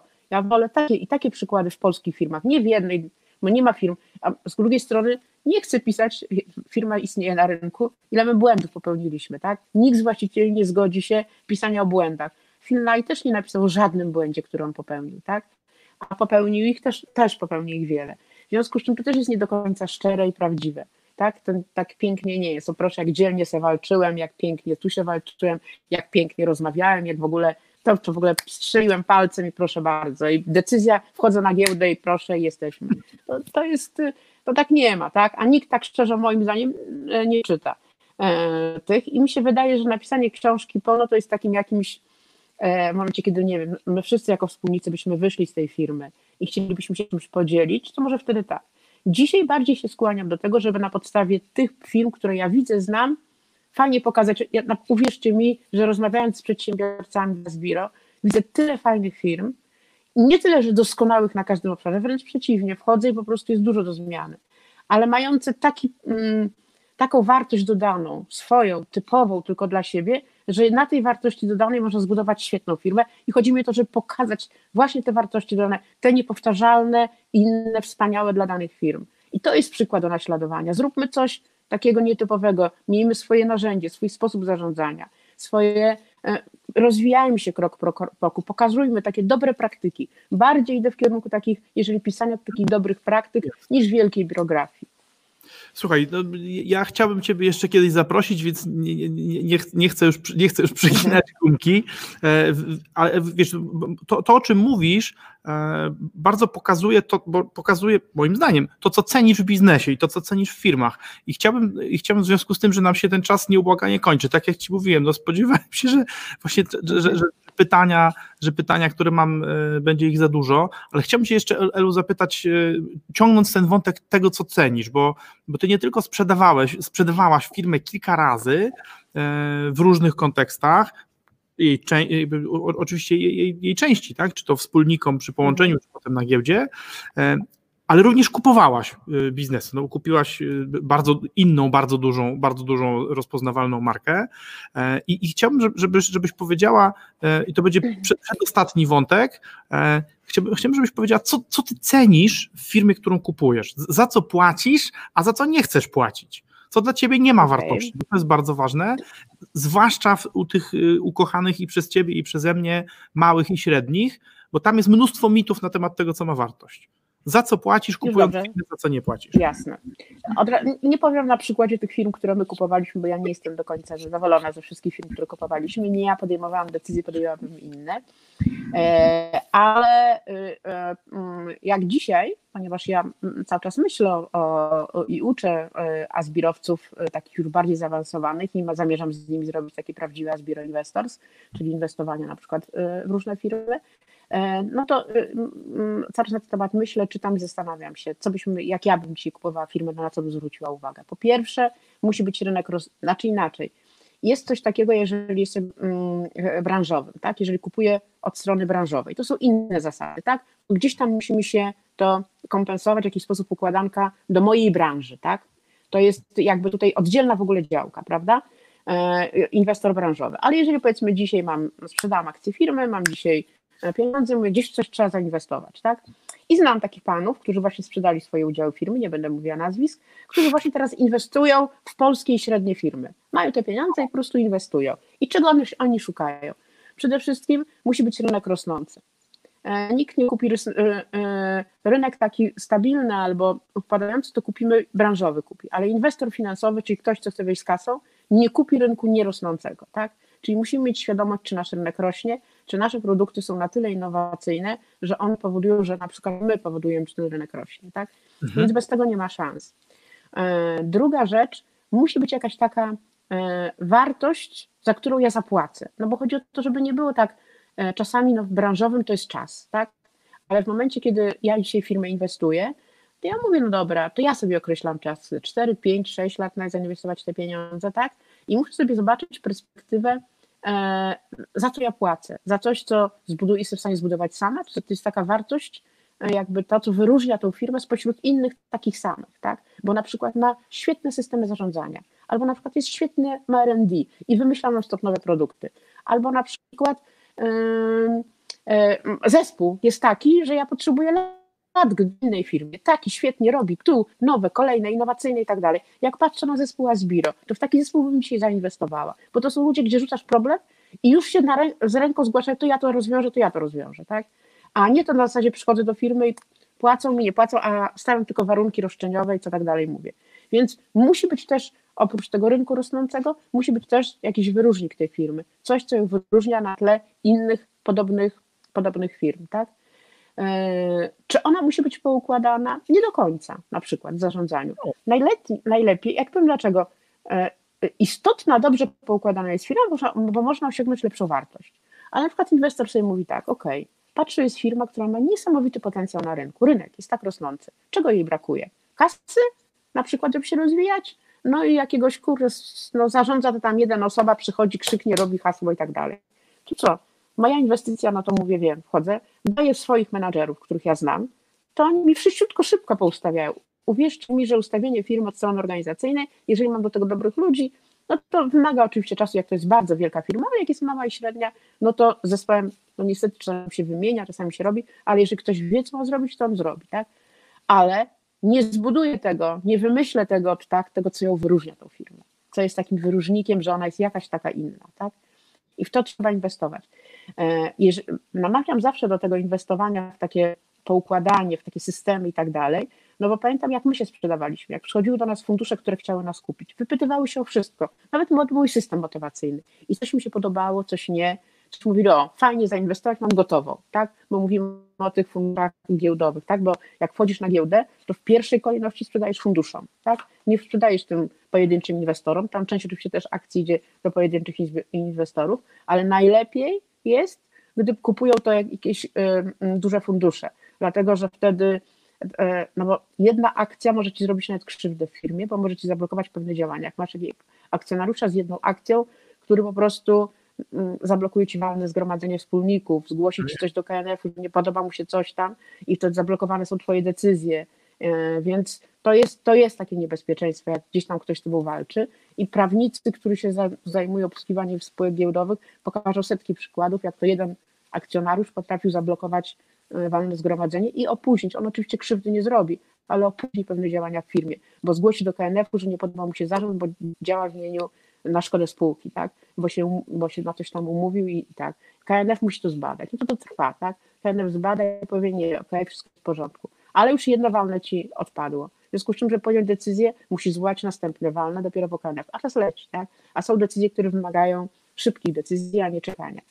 Więc najlepiej jest, jak się wchodzi na giełdę, kupuje to jakiś fundusz i sprzedawanie funduszu. Więc my robisz taką rundę po funduszach, czyli albo fundusze przyjeżdżają do ciebie, albo my i one po prostu wszystko cię wypytają, nie tylko memorandum, ale jak już przejdzie to memorandum, to potem jest takie właśnie wypytywanie, dokładne pytanie i tak dalej. I oczywiście takie instytucjonalne fundusze wolą firmy dobrze zorganizowane, tak? I zapłacą za, zapłacą za to więcej. Jest to lepiej, tak? Cwani, cwani, cwani inwestorzy, którzy e, znają się na zarządzaniu, a nie tylko na inwestowaniu, nie tylko patrzą na kasę, ale znają się na zarządzaniu, no to na przykład ja sobie e, lubię popatrzeć, jakie tam są błędy, bo wtedy wiem, e, co ja mogę tylko zrobić, takiego bez wydawania pieniędzy, tak? I już ta firma będzie efektywniejsza, tak? Więc jakby tak, ale najczęściej to są inwestorzy i teraz na przykład na rynku jest sporo takich właśnie osób, przedsiębiorców, którzy właśnie inwestują, już nie, nie są, nie mogą rozwijać swojej firmy, bo już osiągnęły taki poziom, że nie, to inwestują właśnie takie fajne przedsięwzięcia. Nie do końca, i tutaj od razu ja odradzam te takie przedsięwzięcia aniołowi biznesu, tak? taki startup. Tak? Bo tutaj, żeby ktoś zainwestował w startup, to muszą być jacyś tacy szaleńcy, bo to trzeba uwierzyć w firmę. A żeby uwierzyć w firmę, to nie musisz uwierzyć w coś, co ona do tej pory zrobiła w ogóle niekorzystny jest nawet dla tego, kto ma tą małą firmę na tym pierwszym etapie takim sprzedawania, dlatego że sprzedaje jej, sprzedaje to, co jest najważniejsze dla niej, czyli ideę biznesu za duże pieniądze, dla siebie małe, tak? I traci, i traci swoje udziały w firmie. Taki inwestor e, kupuje, te, no, ponieważ kupuje bajkę, nie kupuje firmy, tylko kupuje bajkę, no to chce za to dużo udziałów, a zapłaci mało, tak? I z czasem ten mm, właściciel staje się po prostu takim pracownikiem w firmie inwestora i traci ten potencjał, tą ochotę i i to, to działanie do pracy. Więc ja osobiście uważam, że mm, fajniejsze jest, ja nigdy bym nie uczestniczyła w kupowaniu startupów, tylko fajniejsze jest właśnie takie kupowanie firmy, która już jest na rynku, która możemy no nie chcę powiedzieć tak brzydkiego słowa pomacać, ale zobaczyć jak ona jest na rynku, co ma, e, jaki jest ten rynek, gdzieś, gdzieś tam jakieś informacje już sobie zebrać, troszeczkę A powiedz, to jest fajnie. A powiedz jeszcze Elu, za co, za co kupcy nie płacą? za co kupcy nie płacą. To się, hmm, a to, co właścicielom się wydaje, że jest wartościowe często. No, no właśnie, tutaj jest to wszystko zależy od firm. Na przykład, jeżeli ktoś mi mówi, ale ja kupiłem takie maszyny, tak? No ale ja mogę mieć jako inwestor powiedzieć, no dobrze, no kupiłeś maszyny, kupiłeś budynki, ale ja sobie mogę to tania, mogę te maszyny gdzieś zabrać, mogę sobie inne tańsze kupić, tak? E, I rzadko kiedy płacą właśnie za takie um, przeholowane inwestycje. To, to hmm to nie przygotowujmy tak firm, tak ładnie, tak za obrazek, za to, yy, za, no nie wiem, że za piękną yy, asystentkę i tam wszystkim się wydaje, za fajne samochody i za coś tam. Nie, to w ogóle, w ogóle inwestor na to nie patrzy. Inwestor patrzy tylko i wyłącznie na biznes. Nie patrzy na te wszystkie, yy, wszystko co się dzieje, bo wcześniej czy później tak to wszystko wyrzuci, tak? i zostawi. I nie będzie chciał zapłacić za te wszystkie kokardki, za te wszystkie piękne złote ornamenty i cokolwiek to się E, za układy, za, e, za stanowiska, za role. Za... Nie. On patrzy tylko i wyłącznie, ile on z tego, i to, to jeszcze nie powiem tak. E, czasami ludziom się wydaje, no tak, ale ja mam w sumie zero zysku, bo ja może mam dochodowy biznes, ale ja mam takie kredyty i tak dalej, to odsetki, to wszystko, że mój ten kapitał jest tak mały, że ja tak na końcu jest zero. Bardzo często inwestor finansowy w ogóle nie patrzy poniżej, poniżej EBITDA, tak? bo on sobie te finanse, czyli sobie spłaci kredyt i sobie sam to sobie zorganizuje lepiej, tak? Inwestor patrzy na działalność operacyjną. Ile ja z tego biznesu mogę wycisnąć, tak? I czy mogę wycisnąć więcej niż to, co dzisiaj bardzo często branżowi tak patrzą, czyli sobie porównuję firmy dwie i mówię sobie, ok, jak ja kupię tą firmę, to na przykład efekt synergii będę miał taki, no bo u mnie moi handlowcy obsłużą i tą firmę, tak?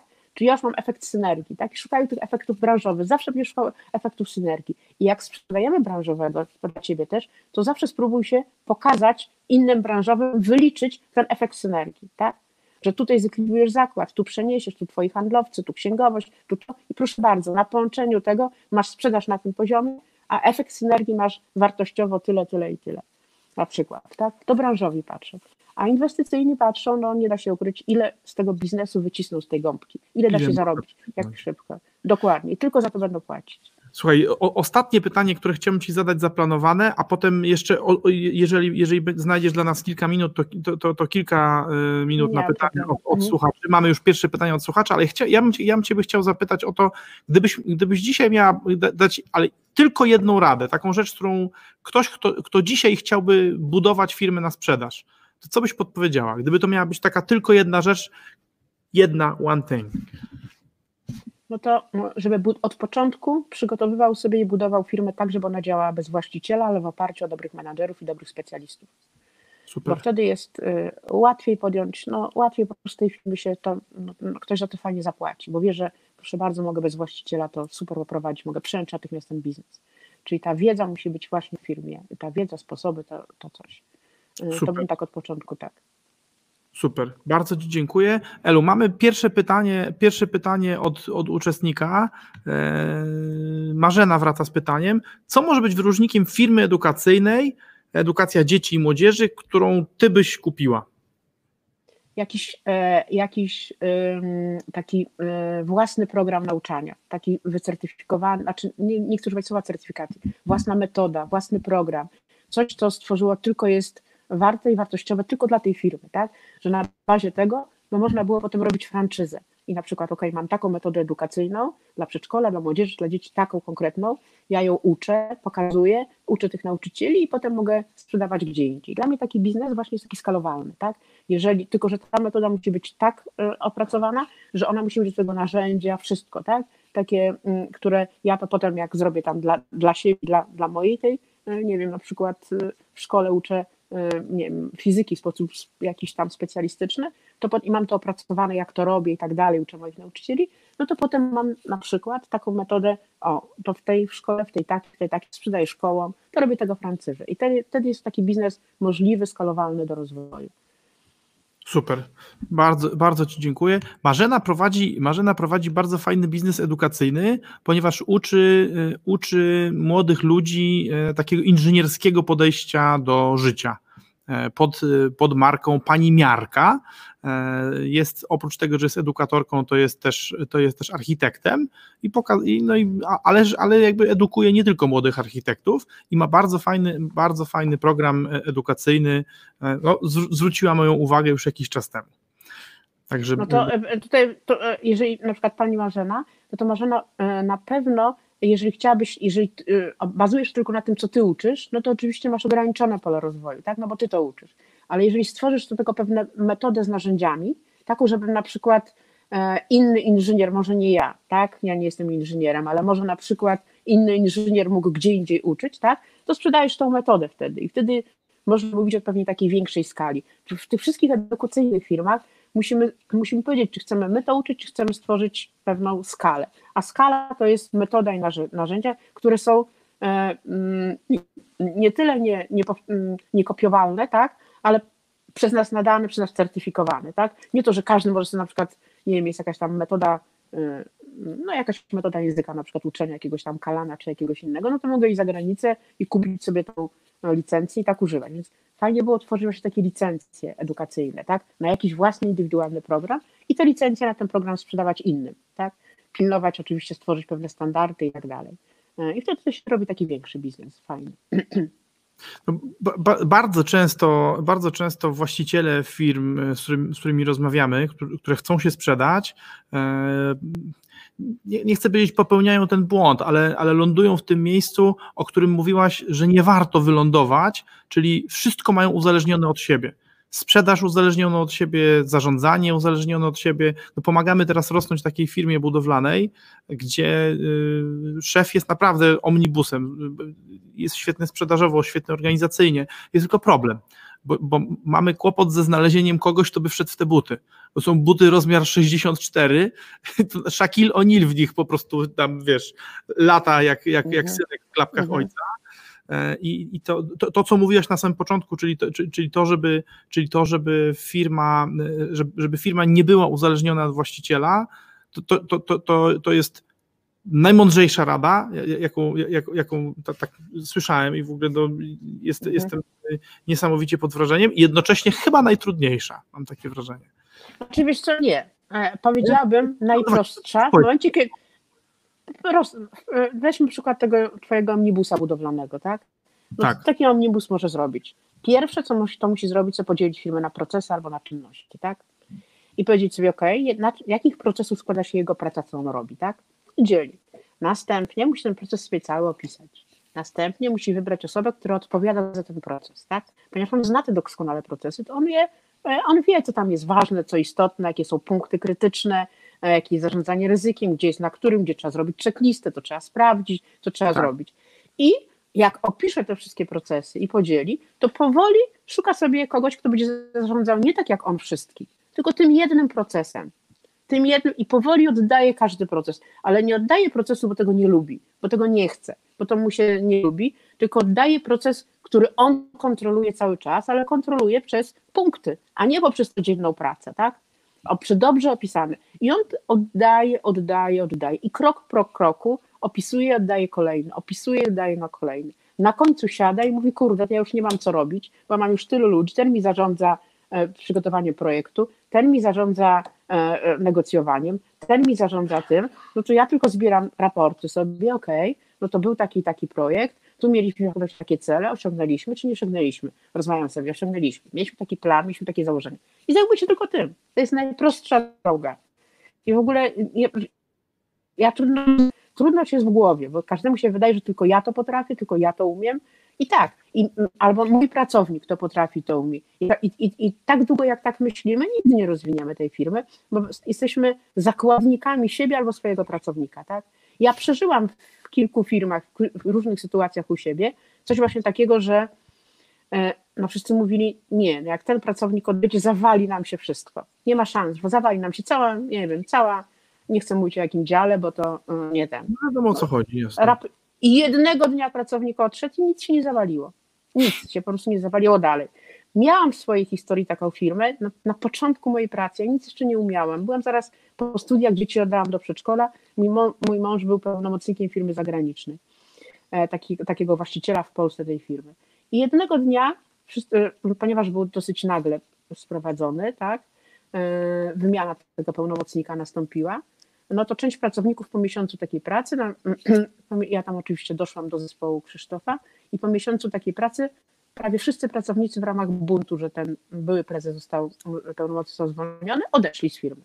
Po prostu, odeszli z firmy, złożyli wypowiedzenia. Nam prawnik, tylko moja przyjaciółka prawniczka tylko powiedziała jedno, przyjmujcie wypowiedzenia, kupcie szampana, pożegnacie się z pracownikami i niech oni sobie idą, tak? I w związku z czym my naraz zostaliśmy jakby zbiórkami, gdzie mi przekazywano, tutaj taki jest eksport, tu jest taka jakaś księgowość, tu jest jakiś handel, tu jest jakieś to. Kurczę, ja nic wtedy nie umiałam, tak? I czym sobie poradzili. Naprawdę, jak ktoś naprawdę nie ma, nie ma takiej sytuacji, że nie można sobie poradzić. W związku z czym, żeby nie być w takich sytuacjach kryzysowych, no podstawa, opiszmy te procesy, delegujmy pracę, tylko że kontrolujmy system, kontrolujmy te procesy, kontrolujmy, musimy to kontrolować, nie człowieka, nie pracownika, tylko teraz tak, E, najgorzej, jak, najczęściej jakie błędy właściciele robią, pozbywają się tego, czego nie lubią. I mówią, no to ty weź to rób. No i w związku z czym ten ktoś to bierze i po swojemu to wszystko układa. I ten ktoś zarządza, tak? I wtedy ta osoba staje się nie, niewiarygodna. I drugą rzeczą, którą się spotkałam, taką jakby systemową, to jest w momencie, kiedy mówimy, OK, no to robimy te procesy w firmie, układamy, ta firmę trzeba ją jakoś ułożyć, bo gdzieś tam widać, że ona nie jest taka, wiecie, spójna. Tu coś jest dobrze, tu coś gorzej, coś jest opisane, coś nie. I pracownik zaczyna się bunt, nie tyle buntować, ale nie chce w tym uczestniczyć. Nie chce w tym uczestniczyć, bo się boi, że to jest przeciwko niemu. Tak? Bo on, a okay, to jak on swoją wiedzę odda do firmy, to będzie można go zmienić. Tak? E, I wtedy no, trzeba jakoś sobie z tym radzić, opisywać i robić. I dlatego czym wcześniej to zaczniemy, czym wcześniej. I u Twojego w tej firmie budowlanej natychmiast podzielić jego pracę na procesy. Nie mówię, że procesy w firmie, natychmiast e, ustalić, co w tych procesach, jak on ma wyglądać, gdzie są te kluczowe decyzje, jakie powinny być standardy, no cokolwiek i powoli wybierać najlepsze osoby z firmy, które by zaczęły zarządzać tymi procesami. Ustalić sobie cele tego procesu i sposób ich traktować. Jak on tym zarządza, to on to wszystko wie. I ustalić system raportowania i monitorowania. I proces pro procesu oddawania, oddawania, oddawania. Słuchaj, słucham ciebie i sobie myślę, kurczę, czemu ja ciebie tak, tak, tak późno poznałem, e, bo, bo wiesz, no, mhm. powiedziałaś, Elu, trzy rzeczy, które spowodowały, że firmę, którą sprzedaliśmy dwa lata temu, sprzedaliśmy znacznie taniej niż mogliśmy. E, jedna to właśnie to, że wyrzucaliśmy procesy, których nie lubiliśmy i ludzie, i ludzie trochę, można powiedzieć, kręcili kręcili nam głową zamiast nas. No. Wstawiliśmy sobie cudzą szyję. E, po drugie, ulegaliśmy ze wspólnikami ułudzie, że jesteśmy właśnie niezastąpieni. Bo z tego, bo z tego co mówisz, to to, to, to, to, to jak sobie pracodawca, pracodawca, jak sobie szef mówi, że ja jestem, jestem niezastąpiony, to jest złudzenie. To jest, to jest jakaś tak. iluzja. No? I to chorobliwa iluzja, bo, bo prowadzi do, do, różnego rodzaju, do różnego rodzaju błędów. I to też zrobiliśmy. Gdzieś tam nie powieliliśmy różnych procesów.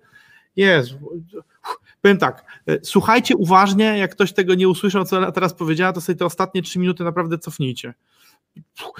Ostatnie pytanie, Elu. Ostatnie pytanie od Mariusza. Ja tylko tu jeszcze dokończę. Tak, tak, Dobrze, ja tylko tutaj Maćku odpowiem Ci a propos tego, co powiedziałeś. Po co jest właściciel w końcu potrzebny, tak? No bo jest e, on jest potrzebny. To jest wizjoner. To powinien być wizjoner, to powinien być ktoś, pasjonat, który po prostu pilnuje, ma wizję i po prostu robi wszystko, żeby tą wizję zrealizować. Nie to, że musi sam to wszystko robić, ale musi, ta firma nawet, nawet jak będzie miała pięknie opisane procesy, jak piękne, jak ona nie będzie miała kogoś, kto będzie to tak e, pchał, ciągnął do przodu, to ona nie będzie, tak? To musi być ktoś po prostu, który ma tą pasję, ma tą chęć, ma tą wizję i niech się na tym koncentruje, tak? A niech resztę rzeczy operacyjne robi kto inny, to powiedziałabym tak ale proszę następne pytanie. Super. E, Mariusz, i to już będzie ostatnie, bo mówiliśmy się na godzinę, już pracujemy godzinę 15, ale Mariusz jeszcze pyta, w którym momencie należy myśleć o zatrudnieniu kogoś, kto poprowadzi biznes na naszych wakacjach? Czyli rozumiem, że na chwilę, że, że można było puścić kierownicę. Czy to uzależniać od wielkości przychodów, zatrudnienia, czy, czy od jakichś innych wskaźników? Dobrze, to ja znów Cię powołam przykładem, dobra? E, e, pamiętam, że jak kiedyś jeździliśmy mm, e, na narty, pamiętam, wiele lat temu z mężem, to mąż zaczynał dzień od tego, jak zjedliśmy śniadanie, że brał telefon, siadał i ustalał ze swoją mm, pracownicą, które kontrakty ma kupić, które nie, gdzie tam kupić, do kogo. Za... No, ustalał wszystko, podejmował decyzję godzina, ok, mamy takie zapotrzebowanie, mamy takie kontrakty, takie oferty, kupować od tego, nie kupować, od tego poprosić, od tego, tego po półtorej godziny takich wszystkich ustaleń jechaliśmy na narty, tak? Pracownik wszystko mm, e, robił. Świetnie, świetnie przeoczony, nauczony i tak dalej. Pracownik, ale taki bojący się podejmować decyzji. Albo nie miał do tego uprawnień, trudno mi jest powiedzieć. I pamiętam, nastąpiła zmiana. Krzysztof zmienił sobie pracownika e, z różnych tam względów, przyjął takiego nowego młodego i jedziemy znowu już na wakacje. Jedziemy na wakacje, pierwszy dzień nie ma telefonu, my normalnie od rana funkcjonujemy. Drugi dzień Krzysztof mówi, coś się dzieje w firmie, tak? kurczę, no nikt, nikt do mnie, nie wiem, ten e, kolega nie dzwoni, do mnie nie pyta się, nie, no co jest grane, no nie wiem, nie kupujemy, nie ten, dzwoni. No to dzwoni do tego kolegi, no i słuchaj, zynka od tego Asana przyszła, nie przyszła, a ten, a tu, a co ze Stanami, a co z moim migdałem, jaka cena, czy coś się dzieje? On mówi, no Krzysztof, wiesz, mi dałeś wyraźne wytyczne, mam, mam plan, ile jakiego surowca mam kupić, mam ceny, które nie mogę przekroczyć, no to sorry winetu, no co ci mam pytać, czy e, ciebie, czy wiesz, napisane mam konkretne zadanie, które mam do wykonania, tak? E, no to po co mam się niepokoić? No wiem, że nie mogę kupić tego e, mm, drożej niż, powinnam w pierwszej kolejności powinienem kupować u takich klientów, a mój z planu mojego sprzedaży wynika, że muszę z moich zakupów, plan zakupów, że w tym tygodniu, w tym miesiącu muszę kupić takie i takie surowce, bo, bo te są potrzebne na produkcję. I koniec, tak? I teraz to nie jest kwestia kiedy takiego pracownika ma zatrudnić. Można mieć to od pierwszego dnia, jak ci na to stać, tak? Ten biznes na to pozwala. Chodzi o to, żeby ten pracownik wiedział, jakie są jego zadania, tak? Z jakich zadań jest rozliczany i w jakim obszarze odpowiedzialności on działa. Nie musimy pisać mu zakresu obowiązków w postaci jak w książce. Pracownik odpowiada za, tak? Tylko, żeby mu powiedzieć, słuchaj, jeżeli ty jesteś kupcem w mojej firmie, to ty masz plan zakupów na miesiąc na przykład i masz ten plan wykonać. Masz ustaloną marżę, masz ustaloną listę kwalifikowanych dostawców i awaryjne sytuacje. I tak długo daje mu tą odpowiedzialność w tym zakresie i tak działasz. Jeżeli z tej zakresu, z tego budżetu, z tej odpowiedzialności występuje jakaś sytuacja, której nie wiesz jako podjęcie, wtedy rozmawiasz ze mną. I jeżeli my takie e, uprawnienia e, i nauczymy, oddelegujemy i określimy ramy tego, to, to to my możemy mieć na wieczne wakacje jechać, a nie tylko na raz w miesiącu, na dwa tygodnie, w każdym momencie prowadzenia firmy. Majątek jest tylko jedny. Musi nas stać mieć na tego pracownika, tak? Czyli musi być ten biznes na tyle dochodowy, że my tego pracownika mamy. Tego pracownik, ten pracownik mamy dobrze. E, e, ja ostatnio takie właśnie takie fajne jest określenie. E, ten pracownik musi wiedzieć, mm, to nie, to nie chodzi o to, że mamy mu zadać zadania, zrób, wykonaj. On tylko musi, on musi też rozumieć, po co on to robi, tak? Czyli co dla niego, co znaczy rozumie, po co robi, kupuje. On musi mieć cel, że on ma kupić nie drożej niż, nie później niż, nie takiej jakości niż. On musi wiedzieć, po co to takie robi. Najgorsze takie zadania, zrób, nie pytaj. Tylko po prostu jakby to musimy od góry wiedzieć i tak tego pracownika nauczyć. To on kreatywnie wykona każde nasze zadanie. E, fachowcy jest taka mm, e, mm, organizacje wizjonerskie, e, to taki na początku tak, była taka teoria budowania film według organizacji wizjonerskich, oczywiście amerykańskich. Ja na bazie tego właśnie pisałam wtedy książkę o tych organizacjach w Polsce wizjonerskich. No to właśnie nie mówili, że najważniejsze, że jeżeli na rynku zobaczysz dobrego pracownika, potencjał, a nie masz dla niego pracy, to go zatrudnij dla niego praca się zawsze znajdzie, bo to chodzi o taki potencjał, na którym on się rozwinie. Problem polega inny, taki, że nas nie stać na takich pracowników. Na początku rozwoju biznesu albo na każdym etapie, kiedy liczymy ten grosz, to niestety nas na tych pracowników nie stać. W związku z czym, yy, jeżeli, yy, a, a jeżeli nas stać, to naprawdę, nawet jak nie mamy dla kogoś pracy, ale go zaangażujemy w budowanie naszej firmy, to to, jest, to, to będzie to, mm, to wielki efekt. Więc koledze, który zadał to pytanie, zawsze możesz, możesz od pierwszego dnia, jak cię stać tego pracownika i fajnie mu oddelegowałeś, nauczyłeś zadania, które on wykonuje, on cię z tobą rozlicza nie z tego, co przychodzi do pracy, nie z tego, co on w ciągu dnia robi, tylko z zadań, które, które on ma do wykonania w określonym czasie i określonych parametrach. Super. Elu, bardzo Ci dziękuję. E, myślę, że wszyscy Ci dziękujemy. Jeszcze Przemek, Przemek pisze, że oglądał Ciebie na Asbiro, na YouTubie. E, teraz jeszcze tutaj jesteś super inspiracją. E, bardzo, bardzo, bardzo dziękuję, że, że chciałaś być naszym gościem i odpowiedziałaś na, na, na tyle pytań. Dziękuję również naszym, naszym gościom, uczestnikom za komentarze. Czy chciałabyś na, na pożegnanie jeszcze coś do nas powiedzieć? E, znaczy, e, chciałam powiedzieć, że mam nadzieję, e, że gdzieś tam jakaś ta, to co wam dzisiaj powiedziałam, gdzieś tam wam jakieś światełko w tunelu otworzyło i skorzystacie, bo ja powiem szczerze, że zawsze mówię, że ja jestem zawsze zadowolona wtedy, kiedy jak coś uczę, przekazuję i mówię i ktoś wraca do firmy i mówi, ok, robię tak, tak, to jedno, to jedno. Nie mówię, że raptownie będzie kolejnym bakalantem, tak, bo to tak się nigdy nie da i bakalant ma tyle też błędów popełnił, E, że ja staram się unikać, żeby o nich nie mówić, ale czasami też mówię. E, ale taki właśnie, że gdzieś jakiś obszar sobie zrobi krok do przodu w pewnym obszarze, w jednym, w drugim, w trzecim. Ja będę miała super satysfakcję i dlatego e, zawsze chętnie się dzielę swoją wiedzą jak mogę w ten sposób pomóc, to zawsze. Bardzo Ci dziękujemy. Jeżeli, jeżeli ktoś chce więcej Eli i jej filozofii biznesowej, to zapraszamy do, do uczelni Asbiro. Tam można się uczyć na różnego rodzaju kursach rozwijających kompetencje dla przedsiębiorców. E, skoro taki rektor, no to możecie sobie wyobrazić, jaka uczelnia. E, a i mam nadzieję, że prędzej czy później będzie można, będzie można przeczytać e, jakieś kolejne publikacje, czy to Twoje, czy pod Twoją egidą i inspiracją. No, szykujemy takie i następne takie, które na pewno będzie, to będzie ten kurs letni gdzie polecam, który będę prowadziła, lipiec, sierpień. To będą takie właśnie webinary, gdzie pokażę na przykładzie polskich firm, co fajnego e, któraś firma wdrożyła, co ją wyróżnia i co dało jej fajny efekt. E, a to czasami są to drobne rzeczy, czasami jest jakieś narzędzie, czasami jest to styl zarządzania, e, cokolwiek. Chcę pokazać duże różne przykłady z różnych branż, z różnych. To zapraszam na te kursy lepiej. Słuchajcie, e, dziękujemy bardzo. E, tak, jak, tak jak mówi Ela, rozważcie, rozważcie tą ofertę kursów letnich. E, być może będzie okazja, żeby się po raz pierwszy wyrwać domu, z domu w tym roku. A tymczasem się żegnamy i mam nadzieję, że mam nadzieję, że jeszcze kiedyś będziesz chciała być naszym gościem. No na pewno. Spokojnie.